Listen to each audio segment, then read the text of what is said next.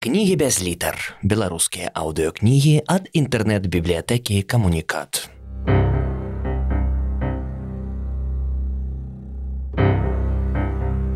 Адам Глобус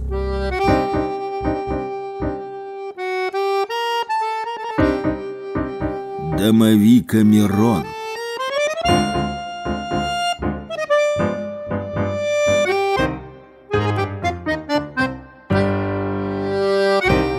Раздел 64. Залётнік. Залётнік гандляваў канцэнтраваным малаком, купляў у мястэчку глыбокае вялікую партыю і пераганяў фургонамі ў Маскву. Беларускі прадукт у расейскай сталіцы не вельмі шанавалі, баяліся радыяцыйнага бруду, Таму разам з малаком залётнік прывозіў і цэлую скрынку новенькіх этыкетак, толькі з друкарні, толькі з варштата. На іх была вымалявана крутабокая карова, у якой пад вымем пісалася, што выдатнае малако зроблена ў туле. Залётнік ні ў якім разе не лічыў сябе падманшчыкам, калі ў сутарэннях былой пажарнай, пераробленай у рэкламнае агенцтва бегемот пераклейваў этыкеткі, момант неэтычнасці, а тым больш крымінальнасці ён адмаўляў цалкам, нават на самым сподзе ягонай дробнай душы не ўзнікала сумнення. Стаміўшыся ад манатоннай і нятворчай працы, ён падняўся на першы паверх і страшэнна здзівіўся, бо да адзінага акна ў даўжэзным калідоры прытулілася ноч. Якая цяпер гадзіна? гукнуў залётнік да лысагаловага вахцёра. Дванаццаць дванаццаць. Адчаканіў той, нават не адрываючы вачэй ад таўсценнай кнігі, пэўна пра вахцёраў. А рукамынік у вас дзе, а то забыўся. Залётнік узняў перапэцканыя ў клей руки.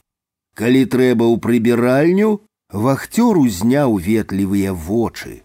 Дык спачатку пойдзеце направо, потым налево, а там по лесвіцы на другі паверх, дзе вернецеся крыху назад і адразу за рогам будзе, як вы казалі, рукамынік, толькі правесці вас не змагу.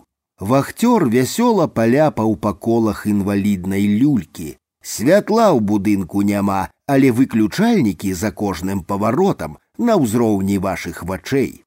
Залётнік рушыў да прыбіральні з высока ўзнятымі рукамі, перапэцканымі ў сталярны клей. З філянговых дзвярэй яму падміргвалі вясёлкавыя шыльдачкі рэкламнага агенства бегемот.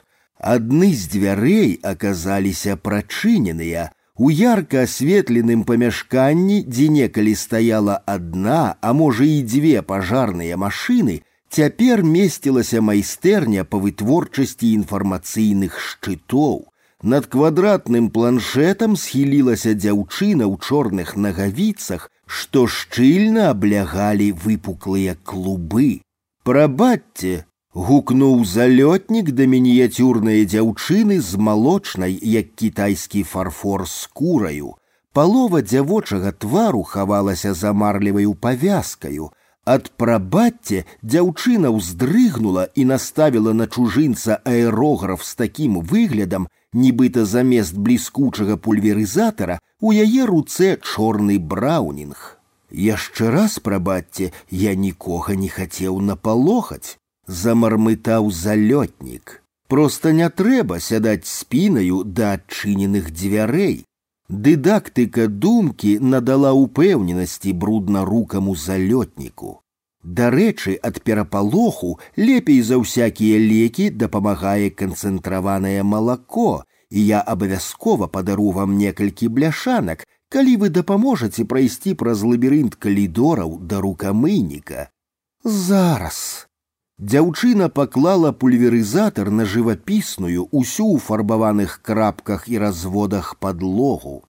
Яны выйшлі ў калідор, дзе натапыранай птушкаю сядзеў вахцёр, інвалід у сінім фрэнчыку.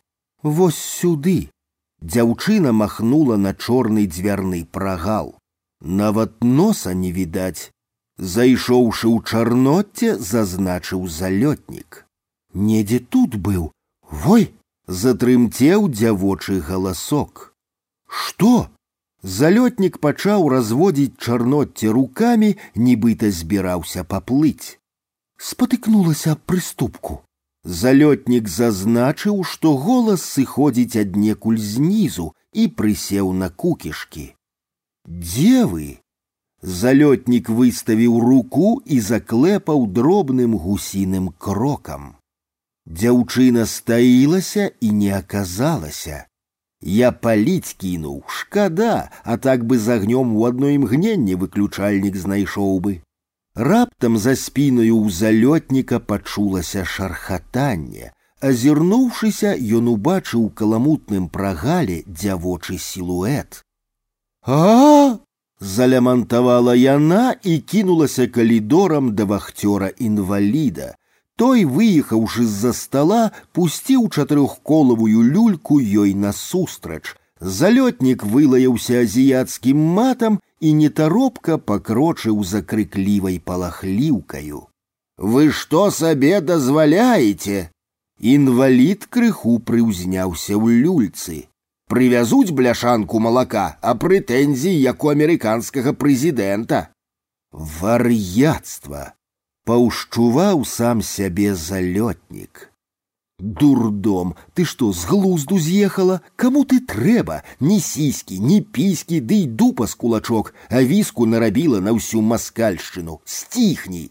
А ты Залётнік узняў указальны палец, на якім паблісквала бурштынавая кропля духмянага клею. Ты, абаронца на колцах, выглядаеш яшчэ большым ідыётам, чым яна. Зрэшты, гадам буду, а ліхтарык у цябе ёсць, бо які ж ты інакш вахцёр. Адкуль вы ты ведаеш? Словы заскакалі на вахцёрскім языку, як пічкуры на патэльні. Давай, а то не утрымаю і тут нараблю. Вартаўнік крутнуў люльку і пакаціўся да свайго стола па-кітайскі ліхтарык. У прыбіральні, адчуўшы палёгку, залётнік задаў сам сабе пытанне: А ці спакушу я сёння чарнаклубую палахліўку і, пачуўшы станоўчы адказ, заправіў вытрасены чэлесу нагавіцы. Паўночы давялося яму ўгаворваць працавітую дзяўчыну не займацца інфармацыйным шчытом, а аддацца больш прыемным адчуванням. Тая нарэшце зразумела, што становішча крытычнае, або яна саступіць, а потым скончыць работу, або работа не скончыцца ніколі.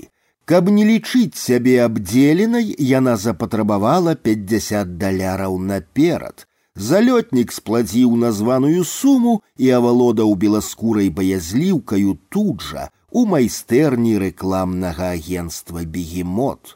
Асаблівую асалоду ён атрымаў з пазіцыі, якая ў старажытным кітаі мела наступны назоў дзікія гусі, якія ляцяць на спіне. Праўда, у нашым варыянце гэты палёт выглядаў так, Залётнік ляжаў на спіне, а жанчына сядзела зверху спінаю да ягонага твару. Адзінае, што варта зазначыць, гэта найглыбейшасць фрыкцый. Пэўна, сума ў 50 даляраў цалкам задаволіла начную работніцу і, адпаведна, яна задаволіла залётніка цалкам.